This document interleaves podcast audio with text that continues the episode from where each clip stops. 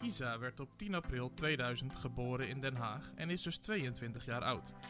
Ze streamt op Twitch en speelt daar een heleboel verschillende games. Zo is ze niet vies van een potje schieten in Valorant of griezelen in een horror game, maar speelt ze aan de andere kant ook rustigere games, zoals Stardew Valley en Among Us. Op stream is Isa vaak goed lachs, maar natuurlijk heeft ze in haar privéleven ook wat mindere dingen meegemaakt. Maar wie is Isa nou eigenlijk en wat heeft ze dan allemaal meegemaakt? Hopelijk komen we daar in de komende 60 minuten achter.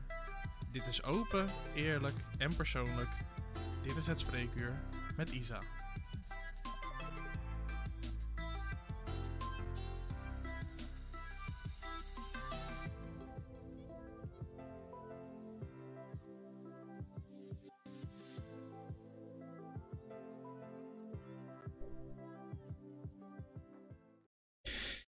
Ja, welkom allemaal bij de vijfde aflevering van het derde seizoen van Het Spreekuur. We zijn er weer. We gaan weer 60 minuten lang praten met mijn gast. En vanavond is mijn gast Isa. Isa, goedenavond.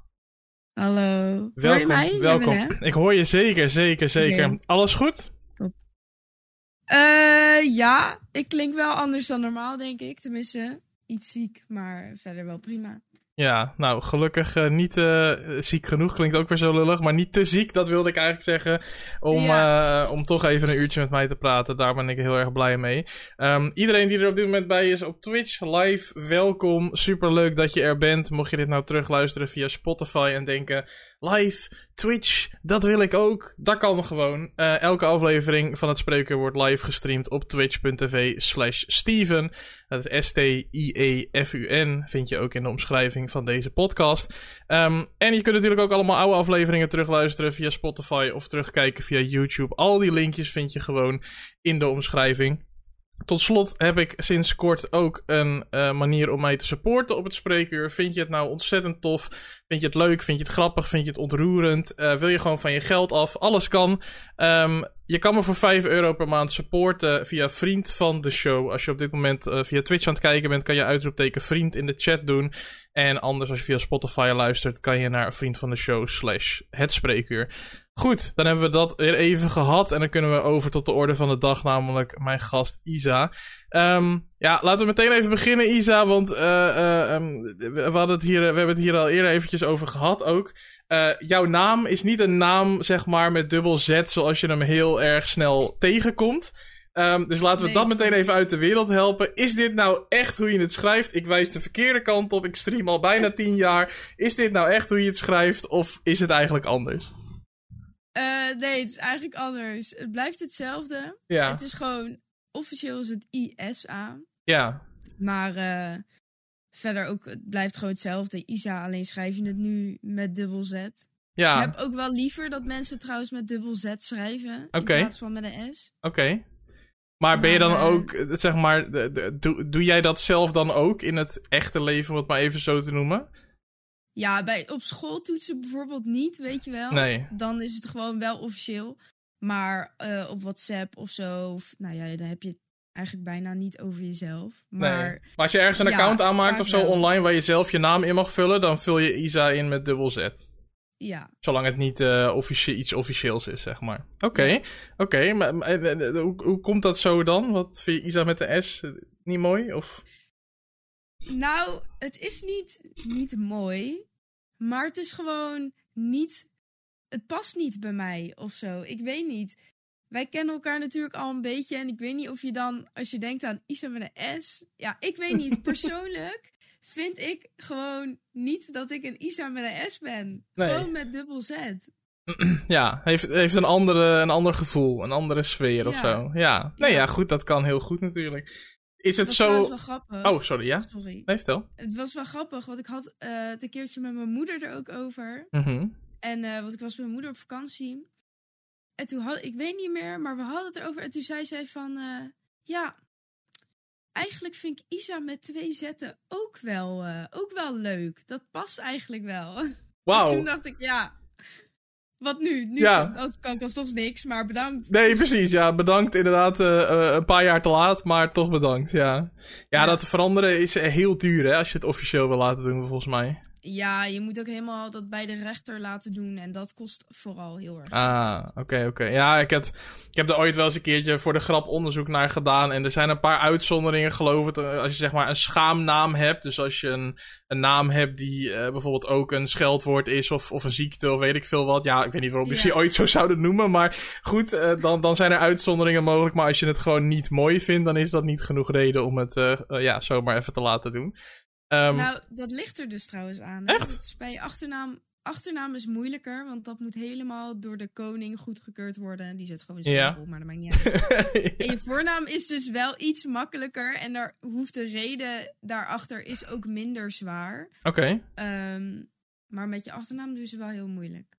Oké, okay. maar ik, ik hoor hieruit dat je dus wel eens opgezocht hebt, of het nou voor de grap of serieus is. Is het iets waarvan je denkt, nou, als ik ooit een keer een zak geld vind en ik vind het de moeite waard, dan doe ik het? Ja, denk het wel. 100% Vet. eigenlijk. Vet. Nou, je hebt dat support van je moeder, dus dat is ook al, dat is ook Ja, al mooi. Dus, ja, je, die kan er niet boos op worden. Anders kan ik me nog voorstellen dat je zou zeggen, ja, maar ja, ik heb toch die namen gekregen. En, uh, maar ja, dat maakt nu ook niet meer uit. Hey, Nee, um, precies. Isa, uh, 22 jaar en een beetje geleden, uh, geboren in uh, Den Haag. Um, Ja, ik ga altijd met mijn gasten zo ver mogelijk terug in de tijd om dan stapje voor stapje naar het nu, zeg maar, te bewegen. Um, dus eigenlijk stel ik aan iedereen dezelfde vraag. En het is soms een beetje een lastige vraag, maar als ik je vraag om zo ver mogelijk terug in de tijd te gaan, zeg maar, naar de kleinste Isa die jij je nog kan herinneren en het opgroeien in Den Haag. En uh, nou ja, wat voor gezin en wat voor huis woonde je? Wat, wat, kan je wat, wat zijn de dingen die in je opkomen als ik, als ik het daarover heb, zeg maar? nou, allereerst ga ik je even corrigeren. Ik ben niet opgegroeid in Den Haag. Oh, je bent geboren in Den Haag. Ik, uh, ja, sorry. Ik ben geboren in Den Haag. Ja, sorry. En, uh, toen ben ik gaan wonen in, uh, in Wassenaar. Ik... Of uh, tenminste, daar ben ik dan dus opgegroeid. Ja, ik doe dit met zoveel en mensen fout. Want die, die, die worden dan geboren natuurlijk in een nou, grote stad waar een ziekenhuis staat. Maar die groeien dan natuurlijk op uh, ergens waar geen ziekenhuis staat. En dan doe ik het echt Ja, elke ja. keer fout. Jongens, ooit, ooit een keer doe ik het foutloos. Oké, het spijt me. Het spijt Nee joh, Ga verder. toch helemaal niet. Ga verder.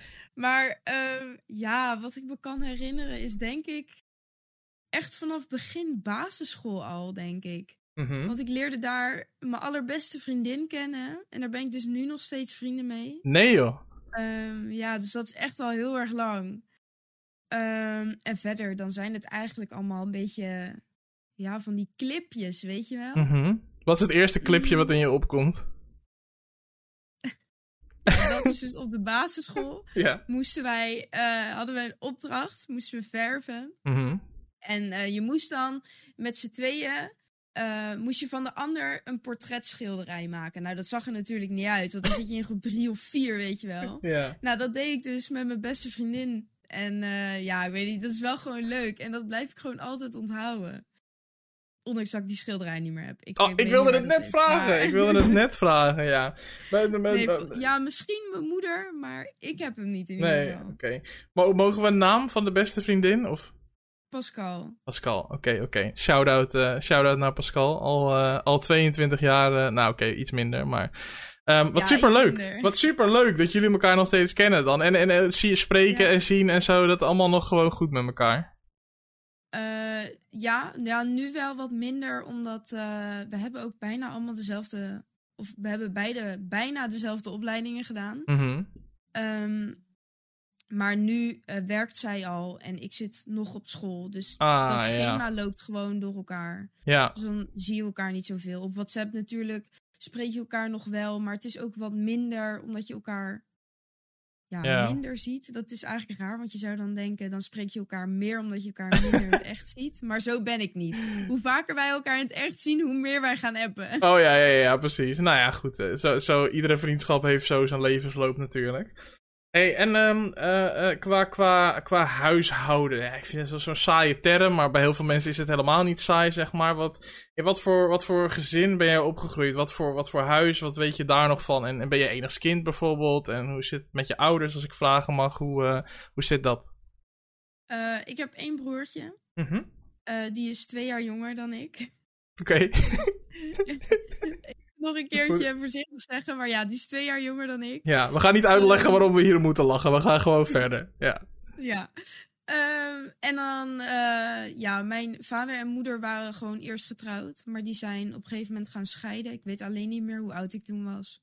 Oké. Ik denk misschien, ik gok eh, acht, denk ik. Oké. Ehm, nou ja, eh, die zijn toen uit elkaar gegaan. Ehm, maar nu heeft mijn moeder een nieuwe vriend en mijn vader een nieuwe vriendin.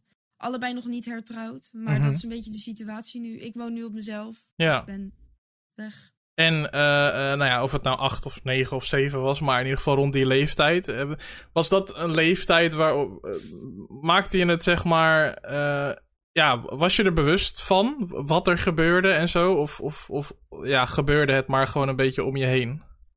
Mm, ik was me er wel semi-bewust van dat dingen misschien niet helemaal lekker liepen. Maar misschien op dat moment niet. Als ik er nu over nadenk, denk ik van, oh, ja.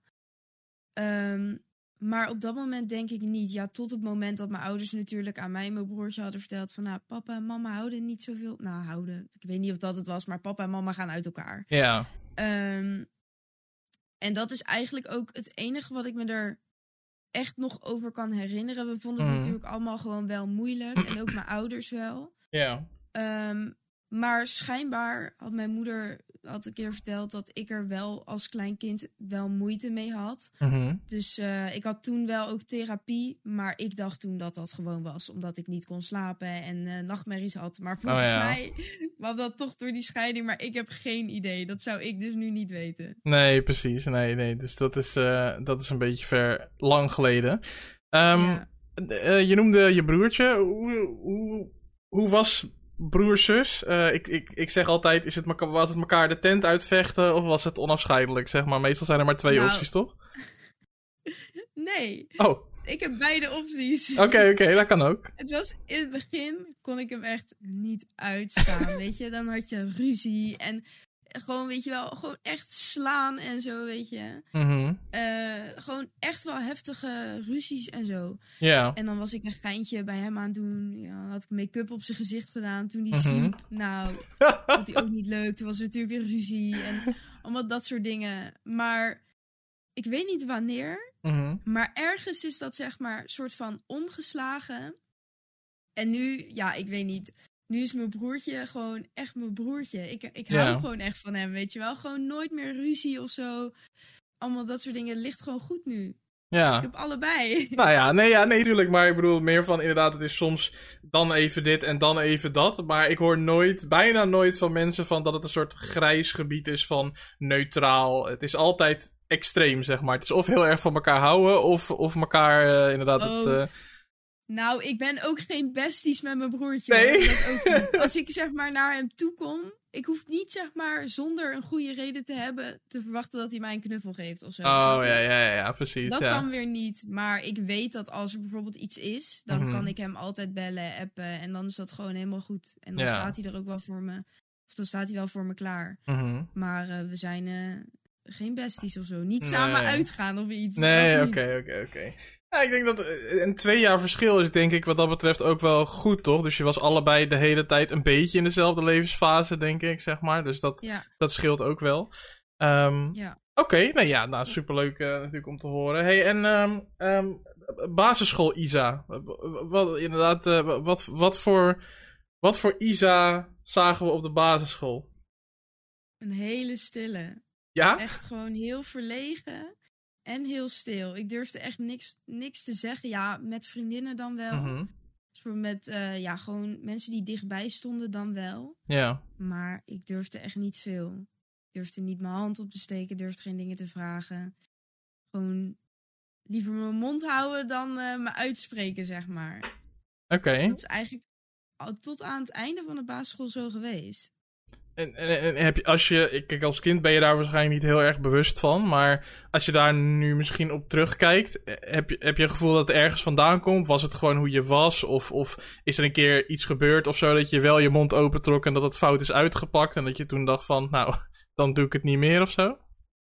Mm. Oeh, ik, ik weet niet waar het vandaan kwam. Ik weet wel dat wij op een gegeven moment in. ehm, ik denk in groep 7 hadden we complimentendag. Mhm. Nou, eh, dat was dan elke week. En dan hing er zo'n eh, blaadje met je naam erop. En dan moest iedereen in de klas moest iets opschrijven. Iets goeds.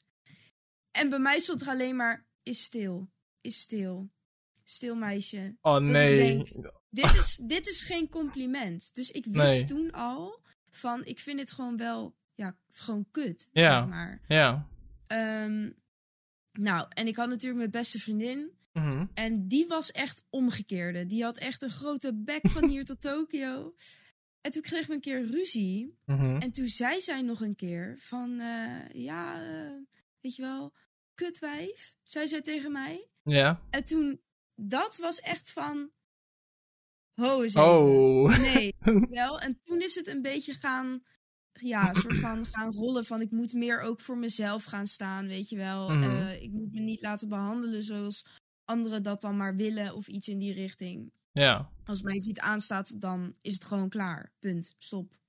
Oké. Dus Dus dat is, maar ik weet echt niet vanaf wanneer dat was. wel grappig dat een, een, een, een ruzie met je beste vriendin een soort van turning point is geweest. Dus on- onbewust waarschijnlijk op dat moment was ze gewoon echt boos en, en eh, wilde ze dat waarschijnlijk gewoon zeggen tegen je. Maar onbewust heeft dat geholpen, denk ik. Ja, maar ze heeft me los van die ruzie daarna ook wel überhaupt vaker geholpen met eh, dat ik gewoon meer mijn bek opentrek naar andere mensen toe. Mhm. Want zij was natuurlijk al zo. Ja. Ehm, dus zij heeft ook wel eens gewoon vaker gezegd van ja, Is zegt er dan wat van en bla bla bla, weet je wel. Mhm. Dus zij hielp sowieso al daarmee. En ik denk vanaf dat moment dat het ook al wel, zeg maar, echt soort van ging gebeuren, weet je wel. Ja. En eh, schooltechnisch, zeg maar. De- hoe, hoe was je op school? Heb je, heb je alles in één keer gehaald, bijvoorbeeld? Hoe ging dat allemaal? Ehm, ja, alles ging goed behalve rekenen. Dus ik ben in groep 5 blijven zitten. Ik kon Mhm. ook niet zo goed de klok kijken. Ehm, dus die heb ik dan overgedaan. En verder in principe alles gehaald. Ja, die CITO-toets. Ik weet niet of je dat meerekent, maar... eh rottoets is dat. ja, joh. Ik... Is dat nu afgeschaft? Maar hopelijk Nee, nee, nee, volgens mij nog steeds eh, niet. Nee, nee, dat is nog nou, steeds een ding. ik vind dat zo'n onzin. Hoezo? Wat is er onzin aan de CITO-toets? Nou, zeg maar. Oké, ik heb dyslexie. Ja, Dus lezen en vooral begrijpend lezen is voor mij heel moeilijk. oké. Nou bestaat die CITO-toets, zeg maar, heel erg veel uit teksten. Ehm, dus dat is dan voor mij al moeilijk. Maar ook uit rekenen. En rekenen zijn verhaaltjessommen. En als jij niet kan begrijpend lezen, Ja. dus de kern uit het verhaal niet kan halen, kan jij de, die som niet uit dat verhaal halen. Dus ik heb zeg maar gewoon op een domme manier die CITO-toets gefaald. Ja. En dat is dus gewoon niet goed in verhouding met het niveau. Mhm. Dus bij meerdere mensen trouwens hoor, dat dat niveau eh, helemaal niet, in goed, of Ja. niet goed in verhouding is. Ehm, Wat, wat, ja, ik heb echt een hekel aan die toets. Wa- Wat vond je daar toen van? Want nu, nou ja, nu hoor ik je, je bent er nu heel fel over als je er zeg maar op terugkijkt. En je zegt zelfs, ja, eh, laat het alsjeblieft afgeschaft zijn of worden. Ja. Maar hoe was dat toen? Zeg maar, groep 8 Isa die die CITO-toets maakte. En waarschijnlijk toen je bezig was al voelde van, dit is kut, dit is echt heel kut. ja. En toen was je klaar en toen, en toen? En toen eh, was het natuurlijk even afwachten. Ja. En ehm, nou, die uitslag kwam. Je hebt dan natuurlijk al die, eh, al die niveaus en daar ergens zit je dan tussen. Mhm. Ehm, wacht, heel even hoe door? Drie seconden. Ja, is goed. Ja. Ehm, hoe heet het? Eh, ja, ergens zit je dan tussen. Nou, bij mij kwam er dus uit dat ik kader zat. Mhm. En nou is er niks mis met kader. En ik had zoiets van, nou ja, oké, weet je wel. Je had in principe had ik al onderzoek gedaan naar verschillende scholen en allemaal dat soort dingen. Mhm. Ehm, dus nou ja, kader was niet heel slecht, want het was ook praktijkgericht. Dus ik vond het op dat moment eigenlijk wel prima. Het was meer mijn ouders en dan voornamelijk mijn vader die zoiets had van... Dit kan helemaal niet. Oké. Isa haalt echt supergoeie cijfers. Het kan niet dat zij dan kader he- heeft. Ehm, en die CITO-toets, dat niveau wat eruit komt, is alleen gericht op die CITO-toets. Mhm. En niet op alles wat jij daar voorhaalt of al die andere rapporten van acht jaar geleden en zo. Ja. Ehm, dus ik denk dat ik gewoon unlucky was, die toets slecht heb gemaakt en Mhm. dan laag gescoord. Ja. Maar het is wel dankzij mijn vader dat ik VMBOT heb kunnen doen. Want die heeft gewoon echt gezegd: nee, Is, jij gaat niet naar kade, jij gaat gewoon VMBOT doen. En mijn moeder natuurlijk ook, maar mijn vader is iets meer uitgesproken. ja. Ehm, dus ik heb uiteindelijk dan VMBOT gedaan, terwijl uit die CITO-toets eigenlijk kwam dat ik dat niet kon doen. Oké, oké. Dus dat is wel, nou, dat is wel bijzonder, zeg maar. Um, Ja, dat het dan... Daarom heb ik zo'n hekel aan die toets. Ja, nee, ik, ik voel hem. Ik, ik, ik voel hem. Ehm, maar, maar dus, oké, uiteindelijk dus toch nog eh, eh, ja, iets, iets hoger wel, eh, wel doorgegaan qua studie. Je zegt trouwens, eh, grappig, je zegt voornamelijk mijn vader, omdat die wat meer uitgesproken was. Is dat ook echt een heel duidelijk verschil tussen je vader en je Ja. moeder? Ja, dat is echt, zeg maar, ik ben ook echt zoals mijn vader. Mhm. Nu dan. Ja, ik wou net zeggen. Best wel stil, Ja. maar vooral nu ben ik echt zoals mijn vader. En mijn vader zegt gewoon waar het op staat. Als hij het ergens niet mee eens is, dan is hij het niet mee eens. Dan zegt hij dat ook gewoon. Mhm. Dus eh, ja, en mijn moeder, niet dat mijn moeder dat dan had geaccepteerd, maar mijn moeder is meer van, oh, weet je, weet je het zeker? En eh, Mhm. die pakt het dan wat rustiger aan en die laat het ook meer aan mij over. En Ja. mijn vader had gewoon zoiets van, dit klopt niet. Ja, precies. En, en, en even voor mijn, even voor het complete beeld dan, zeg maar. Want eh, dat je ouders gingen scheiden was al, was zeg maar vroeg op de basisschool, toch? Als je acht bent, dat is een beetje halverwege. Ben Ja. jij dan uiteindelijk bij je moeder of bij je vader gewoon? Of was het zo 50-50? Ehm, in het begin 50-50. Mhm. En, eh oeh, nou moet ik even nadenken of dat was op de basisschool al of op de... Nee, nee, pas later heb ik de keuze gemaakt om dan bij mijn moeder te gaan wonen. Dat is het. Ik Oké. dacht al, heb ik dat op de basisschool gedaan? Maar nee. Nee, Toen precies. was het 50-50. Oké, want, want, en dat is niet helemaal niet, eh, moet je niet verkeerd opvatten of zo, of dat ik dat lullig bedoel, maar het klinkt bijna alsof, omdat je zegt op de basisschool was ik nog niet zo mondig en zo, en als dat een beetje matcht met hoe jouw moeder is, klonk het voor mij een beetje als misschien heb je heel veel meer tijd met je moeder doorgebracht dan met je vader, waardoor je een beetje zo bent geworden, want ja, kinderen worden wel een beetje zoals hun ouders vaak, toch? Is dat niet misschien, Ja, ik, eh, ik weet het niet. ja, je was... Ik ben een soort van, van eerst mijn moeder en nu een soort van meer het karakter van mijn vader. Ja, je dacht, ik doe het gewoon allebei, ik zie wel wat er gebeurt. ja joh, welke het beste past. Ja, precies. Oké. Hey, en eh, nou, dus middelbare school. Ehm, ehm, in- nou ja, in principe een niveau, ja, 1, 2 niveaus hoger dan je volgens de score zou moeten, moeten kunnen. Hoe ging dat? Want dat kan ook helemaal fout gaan natuurlijk. Dat ging eh, te goed. Te goed, oké. Ja, achteraf bleek dat ik nog eigenlijk eh, de overstap had moeten maken naar HAVO. Niet Mhm. daarna, maar tijdens school al. Oké. Ehm, maar daar ben ik nooit op aangesproken. En ik vond het altijd gewoon maar prima. Ik deed het gewoon. Ik las dan, weet je wel, dan las ik één dag voor de toets las ik dat boek en dan haalde ik een acht. Weet je, zo Oh ja. was het dan een beetje voor mij. Ja. Ehm, Time dan- out, time out. Was jij dat kind dat zei... Ik heb heel slecht geleerd, het komt niet goed. En dan na de toets, oh dit was zo moeilijk. En dan had je het hoogste cijfer van de klas? Nou, ik had niet het hoogste cijfer Oké. maar ja, zo was ik Oké, wel. oké, ga verder. Oké, oké. Ja. Nee, eh, maar ja, kijk, ik leg qua school altijd heel erg veel druk op mezelf. Dat is Mhm. wel altijd al zo geweest. Ja, Dus het was misschien ook dat ik dan, ja, hoe zeg je dat? Dat dat door die druk komt, dat ik dan ook semi-goed presteer en daarom niet heel erg hard hoef te leren of zo. Ik Mhm. heb geen idee, maar eh, in ieder geval, ik, ondanks dat ik wist van ik hoef het maar één keer te lezen en ik kan een ruime voldoende halen, was ik altijd wel bezig met gewoon meerdere dagen leren en allemaal dat Ja. soort dingen. Maar het was wel makkelijk, dat niveau. Eh, eh, Ja. Veel druk op jezelf om, om hoog, om goed te presteren. Hoe, uitte zich dat dan? Ging je dan bijvoorbeeld, inderdaad, je zegt meerdere dagen leren.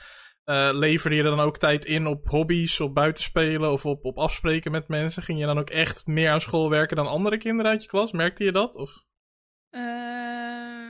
wel wat mee? Nou, ik denk wel dat ik meer, meer moeite deed, denk Mhm. ik. Dus gewoon als in, als ik thuis kwam, deed ik netjes eerst mijn huiswerk totdat dat af was. En dan was het leuke dingen doen. Ja, Ehm, en ik ging ook pas afspreken of eh, na school andere dingen doen als ik wist, ik heb mijn huiswerk al af. Of dat eh, kan ik eventueel morgen doen. Mhm. Zo was ik er altijd al wel over na aan het denken. Want ik wilde gewoon niet dat het niet af was. Ja. Dat, ik weet niet, dat kon ik mezelf niet veroorloven of zo. Mhm.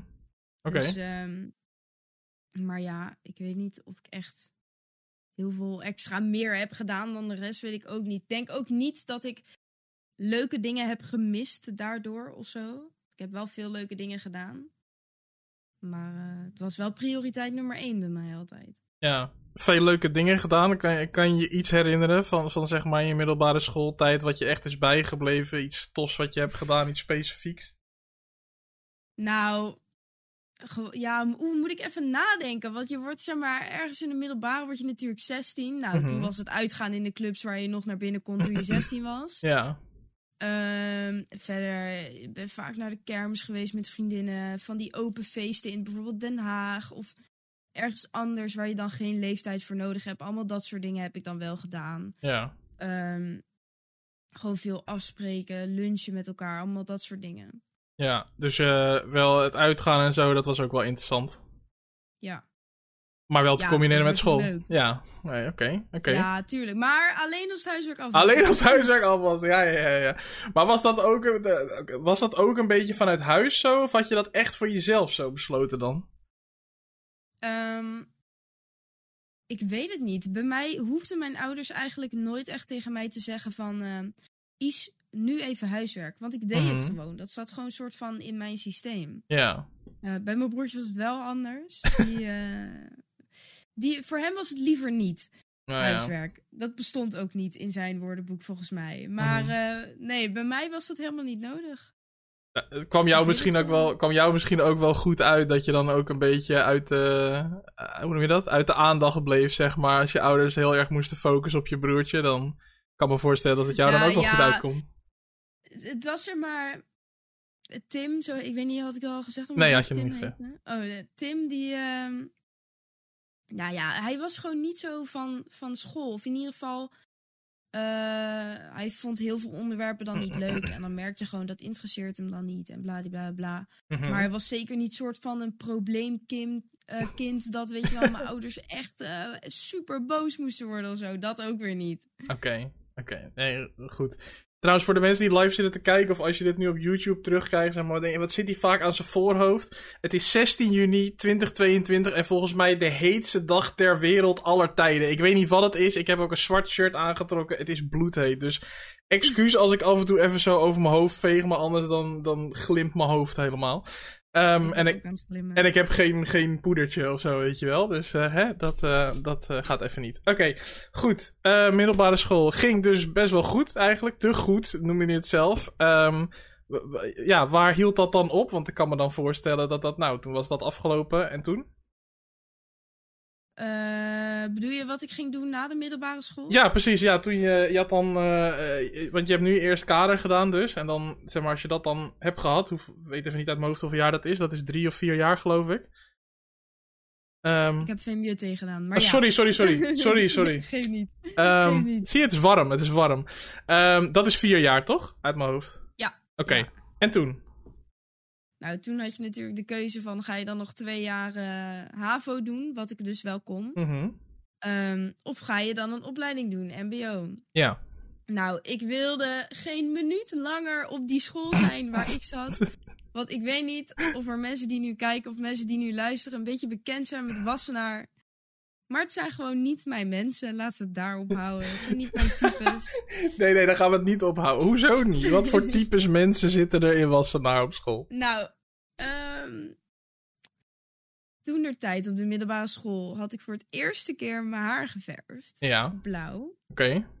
En ehm, nu is het daar nogal, tenminste op de school waar ik zat, ehm, was het nogal je hoort erbij of niet. En als je Mhm. er dan niet bij hoort, niet dat je dan per se altijd gepest werd, maar wel een beetje. Oké, ja. Dus ik had mijn haar, eh, ik had mijn haar blauw geverfd. Mhm. Nou, dan val je buiten de boot. daar. Ja? Dat is, eh, dan ben je een aparte. Dus op een gegeven moment was er iemand uit mijn klas die had een video gemaakt met zij heeft blauw haar, sla haar. En dat heeft hij toen doorgestuurd naar mensen van mijn school. Wauw. Ehm, nou kreeg ik toen al dus rare blikken omdat het blauw was. Ja. Maar mensen begonnen ook soort van, weet je wel, zo tegen me aan te lopen, zo'n schoudertje te geven en zo, of een elleboog in mijn zij. Dat ik, ik weet gewoon niet waar dat voor nodig is. Nee. Maar, what the fuck. Oké. Ehm, dus ik had op een gegeven moment, eh, mijn beste vriendin, die zat niet bij mij op de middelbare school. Die zat op een andere middelbare school. Mhm. Ehm, maar die had die video dus ook gekregen, want zij zat in die vriendengroep. Ja. Dus zij stuurde dat door tegen mij, of naar mij. Mhm. En eh, ja, daar op die middelbare school, daar kwam die Isa al naar buiten die gewoon een grote bek had. Dus Mhm. ik stapte toen gewoon op hem af. Ja. De eerste keer dat ik zoiets echt wel durfde, trouwens. Om zo iemand te confronteren. En ik heb gewoon gezegd: Yo, als je mijn blauwe haar niet mooi vindt, dan kan je dat nu ook gewoon zeggen hoor. Ja. Ik vind het niet erg. Mhm. En hij zo: Huh, wat bedoel je? Ik zeg: Volgens mij vind je het niet zo mooi. En hij zo: Nee, ik vind het echt wel, het staat je echt wel. Ik zeg: Van waar dan die video? Mhm. Welke video? Zij heeft blauw haar, sla haar. Hij zo, oh ja, nee, eh, zo bedoelde ik het niet. Eh, dat was echt maar als een grapje. En eh, ik zeg, ja hoor, geloof het zelf. Ja. Maar fijn dat je het wel mooi vindt. Kan je dat ook naar iedereen doorsturen? en ben ik gewoon weggelopen. Ja, ik had echt zoiets van, weet je, aan de andere kant moet je ook gewoon scheid hebben aan andere mensen. Ja. Ja. Nee, snap Dus- ik wel. En ik laat me niet zo behandelen. Nee. Dus ja, ik was toen, eh Ja, de Isa... herboren. Ja, precies. De Isa van toen liet zich niet zo behandelen. Maar een Ja. paar jaar daarvoor was het misschien wel heel anders gelopen. Ja, Ehm, ja. Maar je hebt niet echt, je hebt niet echt klappen of zo gekregen, toch? Toen of wel? Nee, nee, nee, oké, nee, nee. Het was echt meer eh, van die kleine duwtjes of mensen die dan dingen roepen of zo. Het was voornamelijk heel veel roepen. Oh ja. Heb, je wel, nou we er toch zijn, zeg maar, in deze hoek. eh, Heb je wel eens gevochten in je leven? En nou we er toch zijn, lekker gezellig. Ik zit even over na te denken. Ik heb één keer iemand op zijn bek geslagen. ja? Vuist of Ja, platte hand? eh, vuist. Oké. Vertel. Ja. Speelde die? nou, ik had vroeger nogal wat eh, anger issues, zeg maar. Oké. Eh, dus ik vond het, ik werd nog, ik, trouwens, even correctie, ik word snel boos. Mhm. Ehm, maar ik had het vroeger minder onder controle dan dat ik het nu heb. Mhm. Ehm, dus nou ja, ik was op een gegeven moment boos. En eh, ik probeerde toen gewoon weg te lopen uit de situatie. Want dan weet ik even even adem, weet je wel. En dan voel ik wel dat ik gewoon echt heel boos ben. Volwassen zet van mezelf, al zeg ik dat zo zelf. Mhm. Maar, ehm, nou ja, en die persoon die kwam toen een soort van achter mij aan. En eh, die zat mij een soort van een beetje te prikken, weet je wel, aan te raken. En ik had al gezegd, doe dat niet. Ga even weg, laat me even alleen. Ja. Ehm, wel schreeuwend, want ik was natuurlijk boos. Ja. En eh, nou, die bleef maar op een gegeven moment. Ik zeg, je moet nu echt weg, weet je wel. Want anders, anders ga ik je straks slaan of zo, weet je. Mhm. En eh, nou, die ging niet weg. En toen kreeg ik op een gegeven moment de reactie van, nou ja, ehm, misschien helpt dat wel. Hij zei Mhm. van, ja, sla dan, eh, misschien helpt dat wel, of iets in die richting. Ja. En ehm, nou ja, toen had hij me volgens mij nog een paar keer gewoon aangetikt als soort van... Ja, voor mij kwam het ook wel eens uitlokken. Ja, en toen ging het soort van uit reactie, ging het zo... Bam! Op je kanus. Ja. Ben er, zeg maar, de ene kant niet trots op. Aan de andere kant wel. een goed verhaal. Ja, nee, precies. Ja. Maar ja, dan lok je het ook zelf uit. Kijk, natuurlijk is dat niet... Dat rechtvaardigt het niet, want je moet nooit slaan. Nee. Maar ik zat toen zo in een moeilijke positie met... Als ik boos ben, om dat echt onder controle te houden. Ehm, en dan waarschuw ik je van, weet je, ga weg. En eh, anders Ja. riskeer je dat ik straks in één keer iets doe. Weet je, dan wordt het helemaal zwart voor mijn ogen of iets. En ehm, nou ja, dat is toen gebeurd. Dat diegene dan, ja, dat diegene dan ook zegt, ja, doe maar, misschien helpt het. Ja, nou ja, oké, eh, ja. Je zou bijna zeggen, Ja. je zou bijna zeggen consent gegeven, maar nee, laten we niet, eh, weet je, ik bedoel, tuurlijk, Nee, tuurlijk, het daar niet over tuurlijk is het nooit goed, maar, eh, ehm, nou ja. Het is wel- nu goed gesproken. Of tenminste, het was Oh, echt? al gauw daarna goed gesproken hoor. Oké, ja. oké. Ik weet niet eens meer waar het over ging, maar het was al wel weer gauw goed. Ja, precies. D- we moeten toch nog even een vraag eh, uit interesse over stellen. Want je zegt eh, anger issues en nu nog steeds een beetje. En je hebt het net over nou, echt, echt zwart voor je ogen. Dat je misschien ook niet meer zo goed weet wat je dan op dat moment doet. En dat mensen je moeten laten en niet aan moeten raken. Is dat iets waarvoor je dan ook wel eens hulp hebt gehad? Of misschien hulp hebt? Of is het gewoon iets waar je mee leeft? Ehm, ik heb het volgens mij één keertje aangekaart bij uh, mijn psycholoog. Mhm. Ehm, toen heb ik gezegd van, nou, toen moest ik soort van een tekening maken van hoe snel die woede dan gaat. Een soort van thermometer. Ja. Dus je had dan 0 naar 1 en dan bla bla bla. Dus ik zeg van, nou ja, kijk, eerst gaat het gewoon van 0 naar 1. Dan raak je een beetje geïrriteerd en zo bla bla. En dan ga ik eigenlijk al gauw van 0 naar 5. En dan Mhm. ben ik echt al wel boos. En als er dan nog dingen, of het verkeerde wordt dan gezegd, of mensen raken mij dan aan, weet je, meerdere malen. Kijk, één keer aanraken kan wel, maar blijven tikken of zo, dat Ja. allemaal niet. Dan schiet ik echt van 5 naar 10. Dat is gewoon woep. Mhm. Dat ging zo snel. Dat, eh, maar ja, dat heb ik nu wel allemaal zo goed als onder controle. Ik raak snel nog steeds geïrriteerd. Die pauze die je nam. Ja, we moeten even nadenken. Want er zijn mensen die dan zouden zeggen, als ik zeg ik heb het onder controle, mensen zeggen nee, nou, dat, is, dat ja.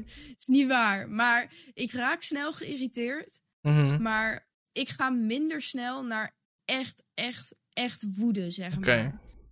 Dat is allemaal... eh, Het blijft een beetje bij irritatie hangen, zeg maar. Ja, slash ernstige irritatie. Ernstige irritatie, oké. Nou ja, goed. Ja. Nu weten we tenminste ook dat die eh, twee dingen die hier op je headset zitten... niet alleen maar voor de sier zijn, maar ook eh, een eh, waarschuwing voor iedereen die, die Ja, jou wil precies. testen. Een beetje duivels. Ja. Hey, eh, laten we even eh, verder door je, door je studietijd. Om het maar even. Ik vind het allemaal van die, het zijn allemaal van die saaie woorden eigenlijk. Voor best wel leuke dingen. Maar ehm, Ja, door je studietijd heen gaan. Wat, wat heb je verder nog allemaal gedaan? Want je hebt best wel een traject eh, doorlopen. Weet ik toevallig al. Maar hè, vertel, het, Mhm. vertel het maar zelf. nou ja, ik ben dan van Vimeo T. Heb ik dus nou ja, de keuze gemaakt om een opleiding te gaan doen. En dat was dan een niveau 4 MBO-opleiding. Mhm. Ehm, daar heb ik. Oh, media-redactiemedewerker heb ik daar gestudeerd. Of tenminste als MBO op het Graafs Lyceum in Rotterdam. Ja, Ehm, daar kwam ik ook weer samen met mijn beste vriendin. oké. Dus eh, we hadden dan de middelbare schooltijd niet samen, maar de opleiding wel. En ehm, Ik ga één Nou ja, time-out. heb eh, sorry, ik onderbreek je steeds, sorry, maar soms is dat gewoon, soms moet dat gewoon. Media-redactiemedewerker, maar je CITO-toets was kut omdat je moker dyslectisch was. Zeg maar, ja, nee, ja, sorry, dat moet ik toch vragen. Ja. Wat, wat- ja. Ehm, eh, ja, hoe gaan we dat uitleggen? Media-redactiemedewerker was eigenlijk een verzamelnaam voor letterlijk bijna iedere creatieve opleiding die je kan doen. Oké, Het was mediavormgeving, het was filmen, het was ehm, foto's maken, foto's bewerken, Mhm. teksten schrijven, maar ook eh, de opmaak van magazines en allemaal dat soort dingen. oké. Dus ik koos het eigenlijk meer voor de creatieve kant. ehm, dan echt voor, oh, ik wil teksten gaan schrijven. Ja. Ehm, want ik weet ook al wel dat volgens mij ze daar ook al hadden aangegeven van ja, je hebt wel dyslexie, dus het kan moeilijk worden. En Mhm. let daar allemaal wel op. Ja, Nou, ik heb geen hol gedaan op het MBO en eh, ik heb alles gewoon met een dikke voldoende gehaald. Dus ik weet het niet. Maar het is gewoon goed gegaan. Niks dyslexie. nou ja, dat is lekker toch? ja. Dat, dat, moet dan Dus, ook wel een eh, hele, dat moet ook wel een beetje een overwinning zijn geweest als mensen dat soort dingen tegen je zeiden. En ja, je hebt het wel gewoon geflikt, toch? Ja, ja, dat sowieso. Ehm, maar ja, aan de andere kant, het blijft MBO, hè? Ja, nou ja, goed, dat, Het is, dat, eh, dat- daar gaat het toch het niet is om? niet eh, heel kwalitatief. eh, tenminste, mijn opleiding was niet heel erg hoog onderwijs. Nee, Ik oké. was voornamelijk YouTube-filmpjes kijken. ja, het is echt erg. nou ja, goed, En maar... daar kreeg gewoon mensen voor betaald, hè? Gewoon die docent die zegt: kijk maar even dit YouTube-video, of deze video op YouTube. En maak het maar na. Dat ik denk, ja. Ik heb ergens het gevoel dat je, het, het- het- dat je niet zo heel erg te spreken bent over het onderwijssysteem. eh. de de CITO-toets moet eruit. Het MBO, eh, nou ja, goed. eh, hè. Ja, ja. Oké, oké. Nou goed, nou, dan ging je na het MBO toch nog lekker wat anders doen. Ja, ja. dus ik had MBO afgerond, diploma gehaald, helemaal leuk. Ja. En ehm, toen ben ik geen vervolgopleiding gaan doen op wat ik natuurlijk al deed. Want ik had HBO journalistiek kunnen doen. Mhm. Maar nee, Isa dacht, rechten is leuk. Dus ik doe nu HBO rechten. ook met dyslexie. En ook daar zeiden ze, ja, ik weet het niet. eh, want ja, je hebt wel dyslexie en wetten is nogal veel met woorden. Ehm, weet je zeker dat je het aan kan? Ja. Oké, Dus en, daar zijn we dan nu. ja, en, en eh, waar, waar zijn we precies nu? Wat, hoeveelste jaar? Tweede jaar. Tweede Eind jaar. tweede jaar trouwens. En hoe gaat het? Ja, het gaat echt goed. Hoewel, even, even afkloppen. Ik moet nog cijfers van mijn laatste tentamen. Oh, daarom moet je Maar, lachen. eh, Ik denk, waar moet je nou zo lachen? Maar... Nee, het gaat, eh, het, het gaat nu wel echt, echt goed. Oké, nou. Gewoon weer gewoon, ja, ik voel me altijd zo, eigenlijk zo nerd om te zeggen, steady, dikke voldoendes, weet je wel. Dat is toch lekker? Ehm. dat, is, zo- dat is gewoon juist iets heel moois. Ja, nou ja, ik heb wel zoiets van, als ik dan terugkijk dat ze kader hadden Ja. aangegeven. En ik Mhm. doe nu HBO en ik haal op het HBO gewoon goede cijfers. Mhm. Dan kunnen we alweer koppelen dat ik natuurlijk niet zo'n fan ben van het onderwijssysteem in Nederland. Oké. Ja, ergens, ergens snap ik dat. Aan de andere kant, hè, ik ga even advocaat van de duivel spelen. Denk je dat het ook Mhm. heeft meegespeeld dat je nu... Je hebt natuurlijk gewoon, zeg maar, het pad doorlopen. Dus zeg maar VMBO, MBO, HBO. Eh, je bent natuurlijk ook een aantal jaren ouder geworden in die tijd. Misschien, misschien was dit wel gewoon goed voor jou. En als je meteen naar de middelbare school HBO was gaan doen, misschien had het wel helemaal niet gelukt. Ik bedoel, ik zeg niet dat ik geen vertrouwen in je heb, maar zeg maar, je weet het niet. We weten het allebei niet, toch? nee, dat is inderdaad waar.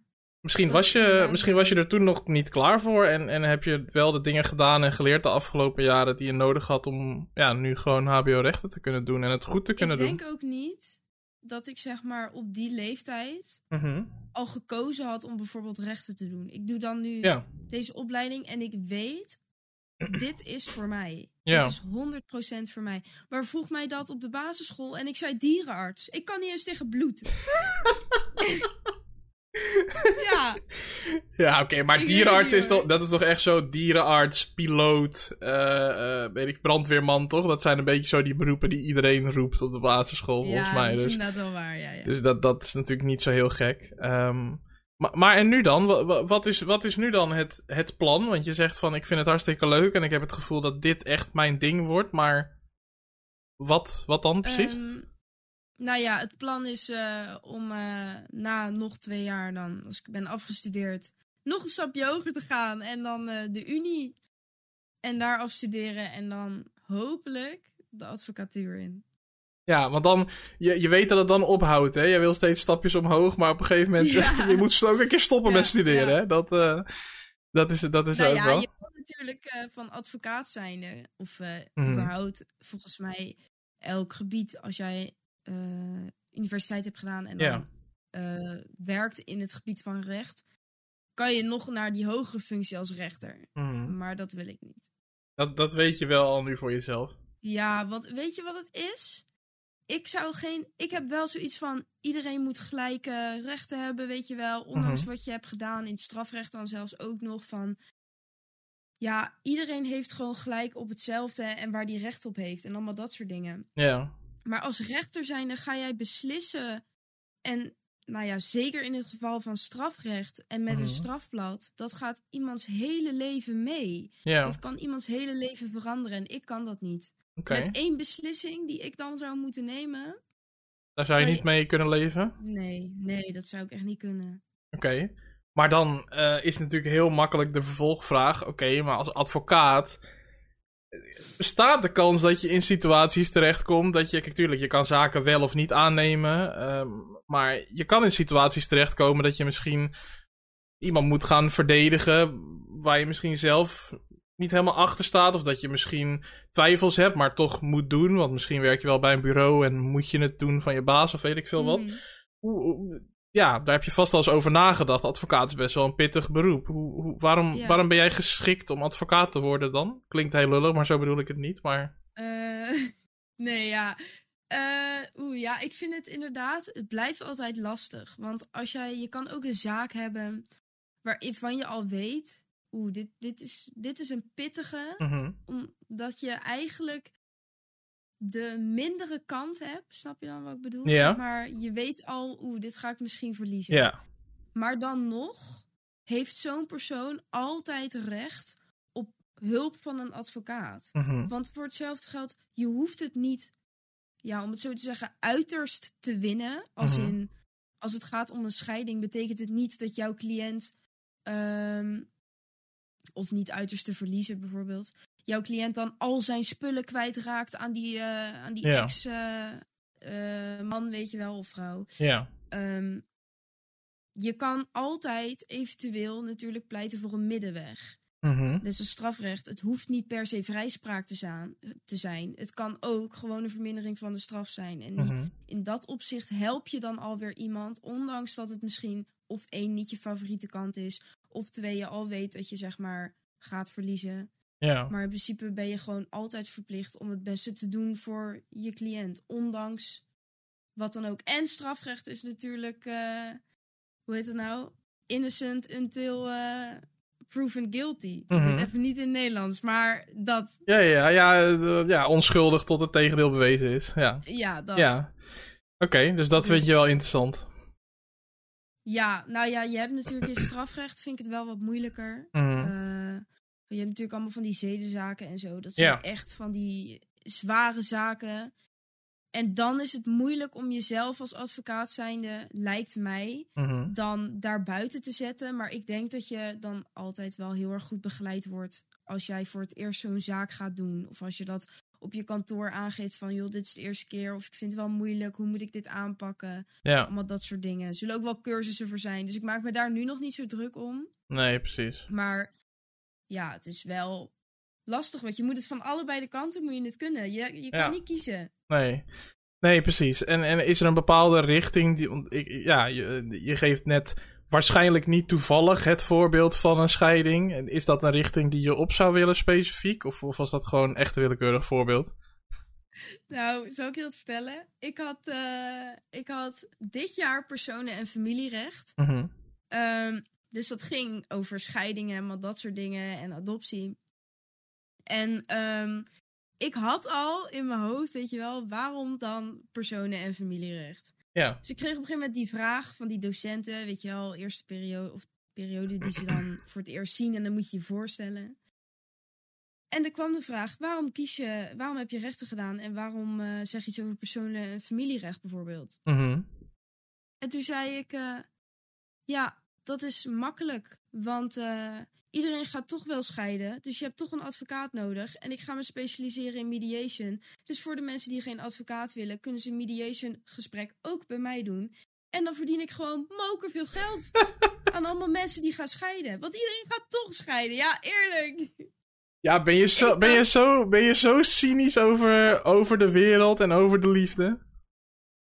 Nou, ik denk dat zeg maar de hele, het hele technologie en online gebeuren heeft het wel moeilijker gemaakt. Ja? Puur omdat je met zoveel mensen contact hebt. En ik geloof niet dat er één persoon op deze aarde is die voor jou gemaakt is. Dat geloof ik niet. Er zullen Mhm. vast wel meerdere mensen zijn die even goed bij jou passen. Ja. Ehm, en ik denk dat dat. Nou, neem ook een voorbeeld als zo'n zo'n app van eh, Second Love of zo, Mhm, van ja. een website. Denk dat het hele appen, en Facebook en allemaal Instagram, dat maakt het gewoon moeilijker om bij elkaar te blijven. Want vroeger was de wereld eigenlijk zo klein. Mhm. De media was ook nog helemaal niet zo groot. En nu kan je met iedereen bellen, iedereen in contact komen met wie je maar wilt, weet je. Ja. Dus eh, Maar ja, Nee, ik heb niet echt eh, het idee dat we dan in dat opzicht, ja, hoe zeg je dat? nee. Echt 50 jaar met elkaar getrouwd zullen zijn of zo. 50 Nee. jaar kan dat. Ja, dat haal je nog wel, toch, denk ik? Hoop ik. Ja, Maar- deze tijd denk ik wel. Ja, nee, precies. Maar ehm, als ik me niet vergis, maar je moet me zeker verbeteren als ik het fout zeg. Had jij zonder internet ook niet in je huidige relatie gezeten, waarschijnlijk? Of zeg ik dat verkeerd? Ja, nee, dat dus is dat is, wel, waar. dat is wel heel dubbel natuurlijk. Zeg maar, ik, vind Ja, je, ja. ik snap wat je zegt, alleen ja, je hebt wel. Eh, je hebt ook wel de vruchten ervan geplukt, zeg maar. Dus dat is de andere kant Nou, van het verhaal. nee, het is zeg maar niet dat ik ook niet denk dat het geen positieve kant heeft natuurlijk. Mhm.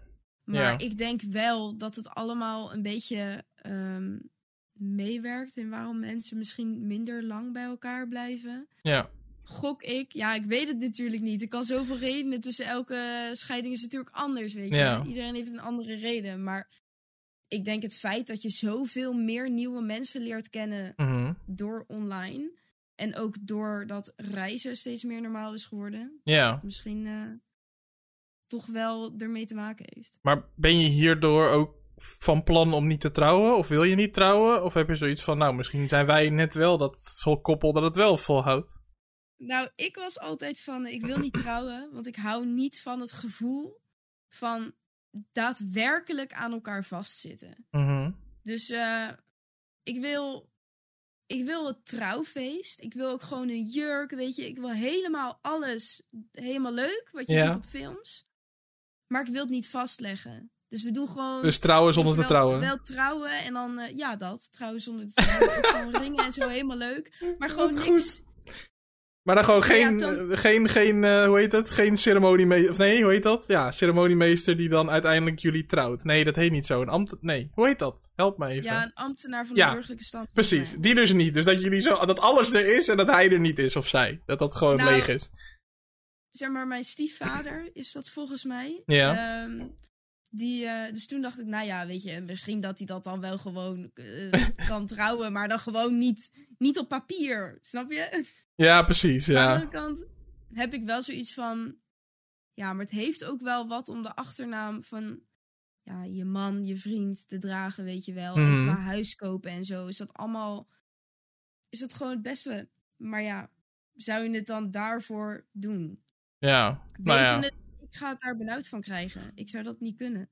Ja, ik denk ook wel, en dan, ja precies, weet je wel, ik bedoel, ik wil nu niet de, ik wil nu niet alle clichés uit de kast halen, maar dit is natuurlijk iets wat je niet nu kan zeggen, want letterlijk over een jaar kan je je anders voelen, je kan je bij wijze van spreken morgenochtend opstaan en er anders over denken, Ehm, dus Ja. dat weten we natuurlijk niet, maar ehm, ja, wel, wel grappig hoe die, hoe die tegenstelling, ik denk dat heel veel mensen dat hebben hoor, die, eh, eh, zeg maar het internet aan de ene kant als gevaar zien, maar ik denk dat heel veel mensen elkaar ook eh, via het internet gevonden hebben. Dus dat is dan denk ik heel dubbel.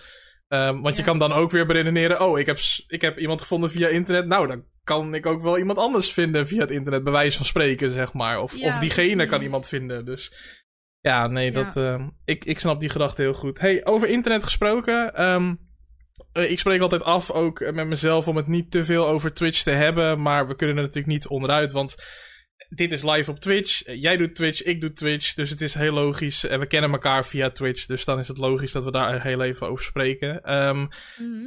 ik eh, kwam. Toen ik zocht naar jouw kanaal, zeg maar, jouw geschiedenis. Toen kwam ik erg tegen dat je account volgens mij in 2015 of zo, 2016 is gemaakt. Maar ik kon niet vinden of je toen al was begonnen met streamen. Weet je dat zelf? Nee, toen was ik nog niet begonnen met streamen. Toen was ik alleen zeg maar streams aan het kijken. Toen Ja. kwam ik echt net een beetje in dat wereldje zeg maar van eh, ook vooral van gamen. Mhm. Ik deed voorheen veel Sims. Nou zeg ik niet dat als je Sims speelt je dan geen gamer bent.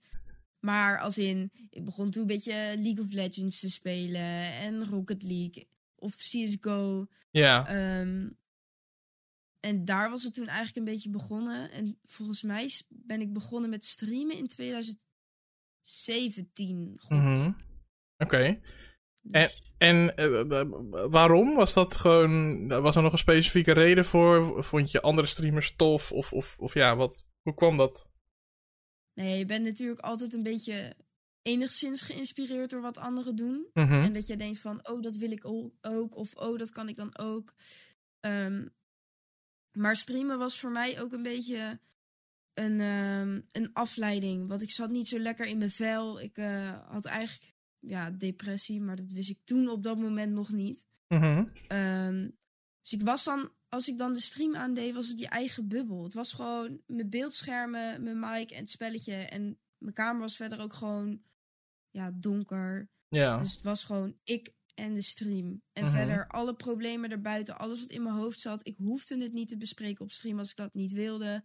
Ehm, dus ik kon het me ook niet bijvoorbeeld laten beïnvloeden op hoe ik me voelde. Het was gewoon even, ja, vakantie vanuit mijn eigen hoofd of zo, snap je? Van mijn Mhm. eigen hoofd weg. Ja. Zo voelde het een beetje. Ehm, dus ik denk dat dat, nou ja, misschien niet per se de reden is dat ik ben begonnen, Mhm. maar misschien de reden is dat ik ben blijven streamen, zeg maar. En niet na één stream of twee streams ben gestopt. Ja, dat gevoel wat je kreeg, je dacht, dit is een reden om ermee door te gaan. Ja, het was gewoon een heel erg fijn gevoel. Het was ook gewoon gezellig met mensen online die dan in je chat kwamen en zo. Dus Mhm. ja. Oké. En, ehm, nou ja, we zijn nu een tijdje verder. Ehm, wat, is er een, is er een doel met het streamen? Ja, ik zeg, ik zeg al zo vaak deze, deze, dit uur, ik bedoel het niet lullig, maar dat bedoel ik ook weer niet lullig. Maar is er een doel? Is er een soort eindpunt? Wil je iets met het streamen? Moet het gewoon lekker voor de lol blijven? Eh, kijk je naar je cijfers? Hoe serieus ben je ermee bezig? Ik hoop niet dat er een eindpunt is. Nee, oké. het jammer vinden. Oké, een, een doel, een doel, laten we het zo Ja, zeggen, een ja. doel.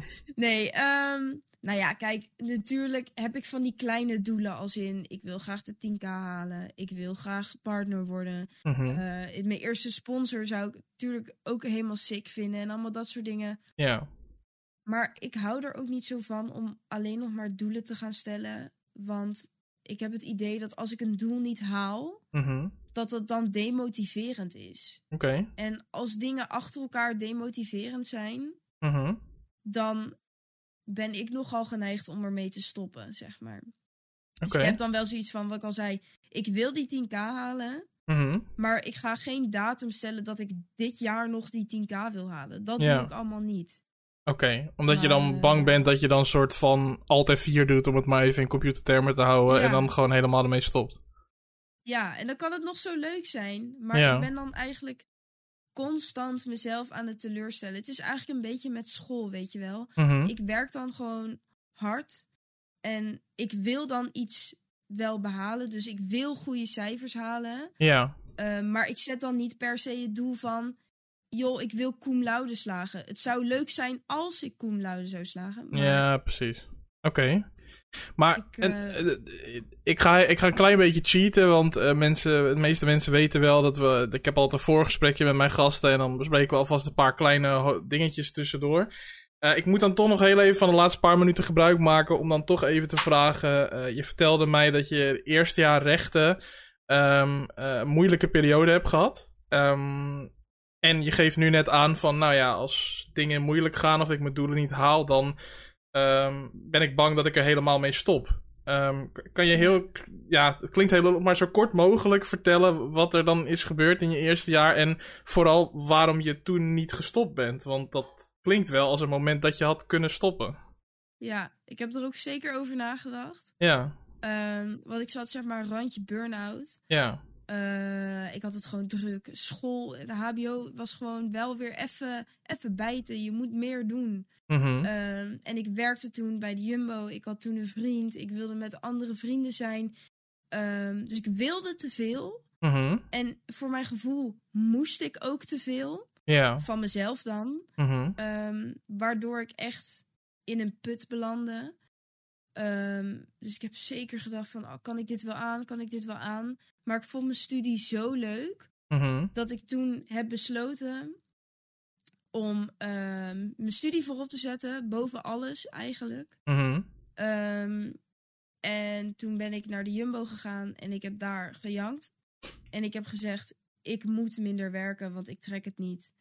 Dus ik heb dan als het ware, in plaats van dat ik soort van... eh, ik ben soort van half gestopt bij de Jumbo-achtig. ja, Ik ben in ieder geval een heel stuk minder gaan werken. eh, om ruimte te maken dat ik school voorop kon zetten. Want ik wilde gewoon zo graag ja, rechten studeren. Ik vond het zo leuk.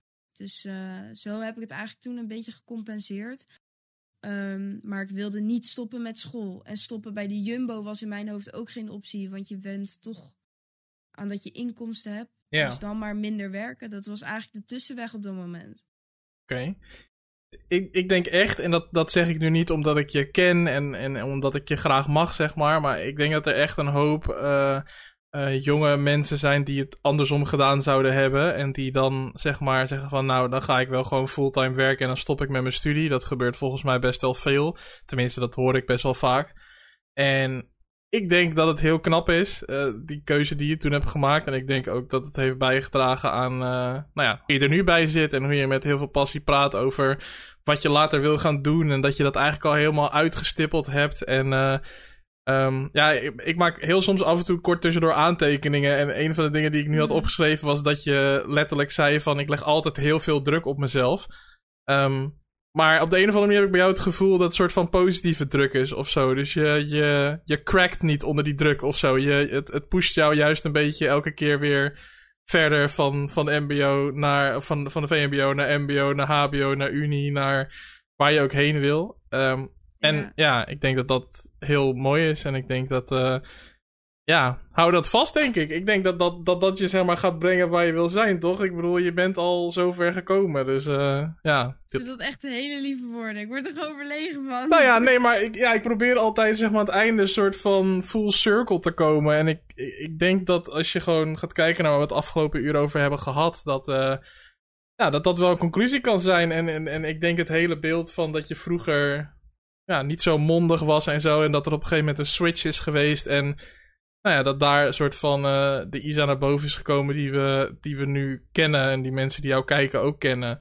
En uh, ja, ik, ik vind dat je daar trots op mag zijn. Ik hoop dat je dat ook bent. En uh, dat je lekker je ding blijft doen. Dus Dankjewel. als je mij dat belooft, dan, dan ben ik daar heel erg blij mee. Ik beloof het. Jij maakt zelfs nog vriendenprijs zoals je ooit advocaat nodig hebt. Ik hoop nou, het niet voor je, maar mocht het zo Ik zal het laten weten. Ik weet niet of Inge al zit te kijken, maar schat, uh, mocht het ooit fout gaan, dan uh, kunnen we bij Isa, bij Isa terecht. Um, want ik heb uh, geleerd dat huwelijken toch nooit volhouden. Dus Nee, hey ja, Isa. ik denk gewoon kleine kansen, maar ja, hè. Hey, ik ja. wil eigenlijk gewoon winst maken van het drama van andere precies, mensen. Precies, Dat is Heel eigenlijk. eerlijk, heel eerlijk. Je hebt er gewoon baat bij als mensen scheiden. Ja, dat is gewoon wat het is, toch? Ja. Ik bedoel, uh, ja. Ja. je hebt er zelfs baat bij als mensen inderdaad, uh, als mensen misdaden begaan of wat dan ook. Dus ja, dat, als, je, als, je, als je strafrecht gaat doen. Dus uh, Ja. nee, top. Hey Isa, um, ja, ik, ik val zeg maar elke week weer in herhaling. En ik zeg elke keer weer: Oh ja, we hadden echt nog een uur door kunnen praten. Maar we hadden nog een uur door kunnen praten. Maar we gaan Ja. het niet doen. Um, de teller staat op nul. Um, dus dat betekent dat we klaar zijn. En uh, dat ik je super erg wil bedanken. Um, Nee, jij bedankt. nee, nee, nee, nee, nee. Ik vind echt, zeg maar, ik, ik snap dat dat mensen dat zeggen, maar ik vind echt mensen die gewoon, ja, verhalen vertellen en die gewoon dingen delen. En ja, sommige mensen delen dingen die ze misschien nog nooit gedeeld hebben of wat dan ook. En ik vind dat gewoon tof. Dus um, ja, super leuk. Ik hoop dat de mensen die jou kennen en jou kijken het ook leuk vonden om te zien. Um, ik wil in ieder geval iedereen heel erg bedanken uh, voor het kijken, maar ook voor het luisteren. Want ik sluit altijd eerst even het Spotify-deel van deze podcast af. Dus dat betekent als je de laatste paar minuten niet wil missen, dan uh, uh, ja, moet je voortaan via Twitch kijken of de YouTube-video erbij pakken. Ik echt het, echt het Lazarus. Het is niet normaal. um, ik wil nog wel even laten weten, als je nu via Spotify aan het luisteren bent, uh, onder in de omschrijving staat een linkje naar Vriend van de Show. Je kan voor 5 euro per maand kan je mij supporten en mij helpen, zodat ik meer van dit soort afleveringen kan maken. En ook meer en meer super toffe gasten kan regelen. Dus als je het leuk vond, 5 euro per maand. Je kan ook één keer 5 euro doneren en het dan weer stopzetten. Kijk gewoon op die website vriendvandeshow.nl slash het spreekuur geloof ik. Het staat allemaal in, de, in het linkje. Um, in de omschrijving staan overigens ook alle kanalen van Isa. Dus haar Twitch, haar Insta, haar Twitter. Dus drop daar zeker even een follow als je het interessant vindt om haar te blijven volgen. En als je later denkt een advocaat nodig te hebben. Um, dan uh, kan je ook bij haar terecht. Um, Isa, heel erg bedankt. En uh, voor iedereen die geluisterd heeft via Spotify, hoop ik jullie allemaal volgende week weer terug te zien bij een nieuwe aflevering van Het Spreekuur.